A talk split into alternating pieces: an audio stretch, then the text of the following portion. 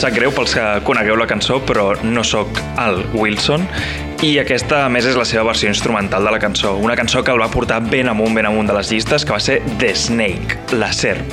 Va ser un temazo que va arribar a molts top a tot el món aquell any, el 1968, i, i això va ser tota una fita en el North End Soul. El North End Soul va ser aquesta variant britànica més esbojarrada que el soul que coneixem de la Motown clàssica, per dir-ho així, i és un estil musical que sempre havia buscat més el ballar que l'explicar, però no en aquest cas. I és que la lletra, feta 5 anys abans que la cançó, la firmava Oscar Brown Jr., un activista pels drets dels afroamericans. Una lletra que ens parlava de com una dona troba una serp al carrer, morta de fred i a punt de morir, i se l'emporta a casa per, doncs, per cuidar-la, per mimar-la. Un dia, mentre ella l'abraça, la serp la mossega. I ella, entre confusió i ràbia, li diu Hòstia, té cuidat, anaves a morir i ara em mossegues? A més, saps que ets verinosa i jo ara em moriré. Al que la serp li contesta tu ja sabies que era una serp abans de portar-me a casa. I és que la naturalesa no pot canviar. I qui diu la naturalesa diu els hàbits, diu les tradicions i sobretot diu els estigmes.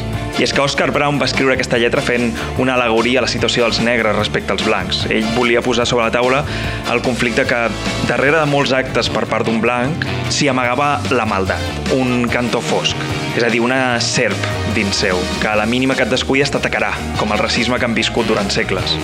El que no sabia el lletrista és que aquesta mateixa cançó, The Snake, amb les seves arrels antiracistes, seria utilitzada a la campanya presidencialista de 2016 pel mismíssim Donald Trump.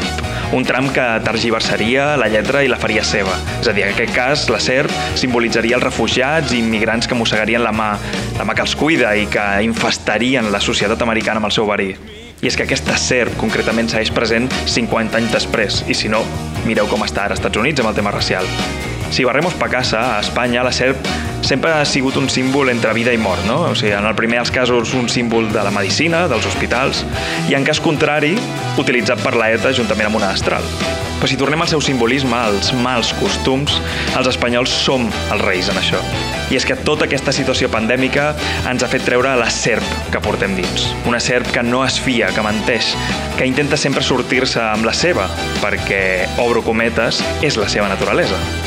Quanta gent hem vist saltant-se el confinament, anant a festes o comprant pa a 20 quilòmetres?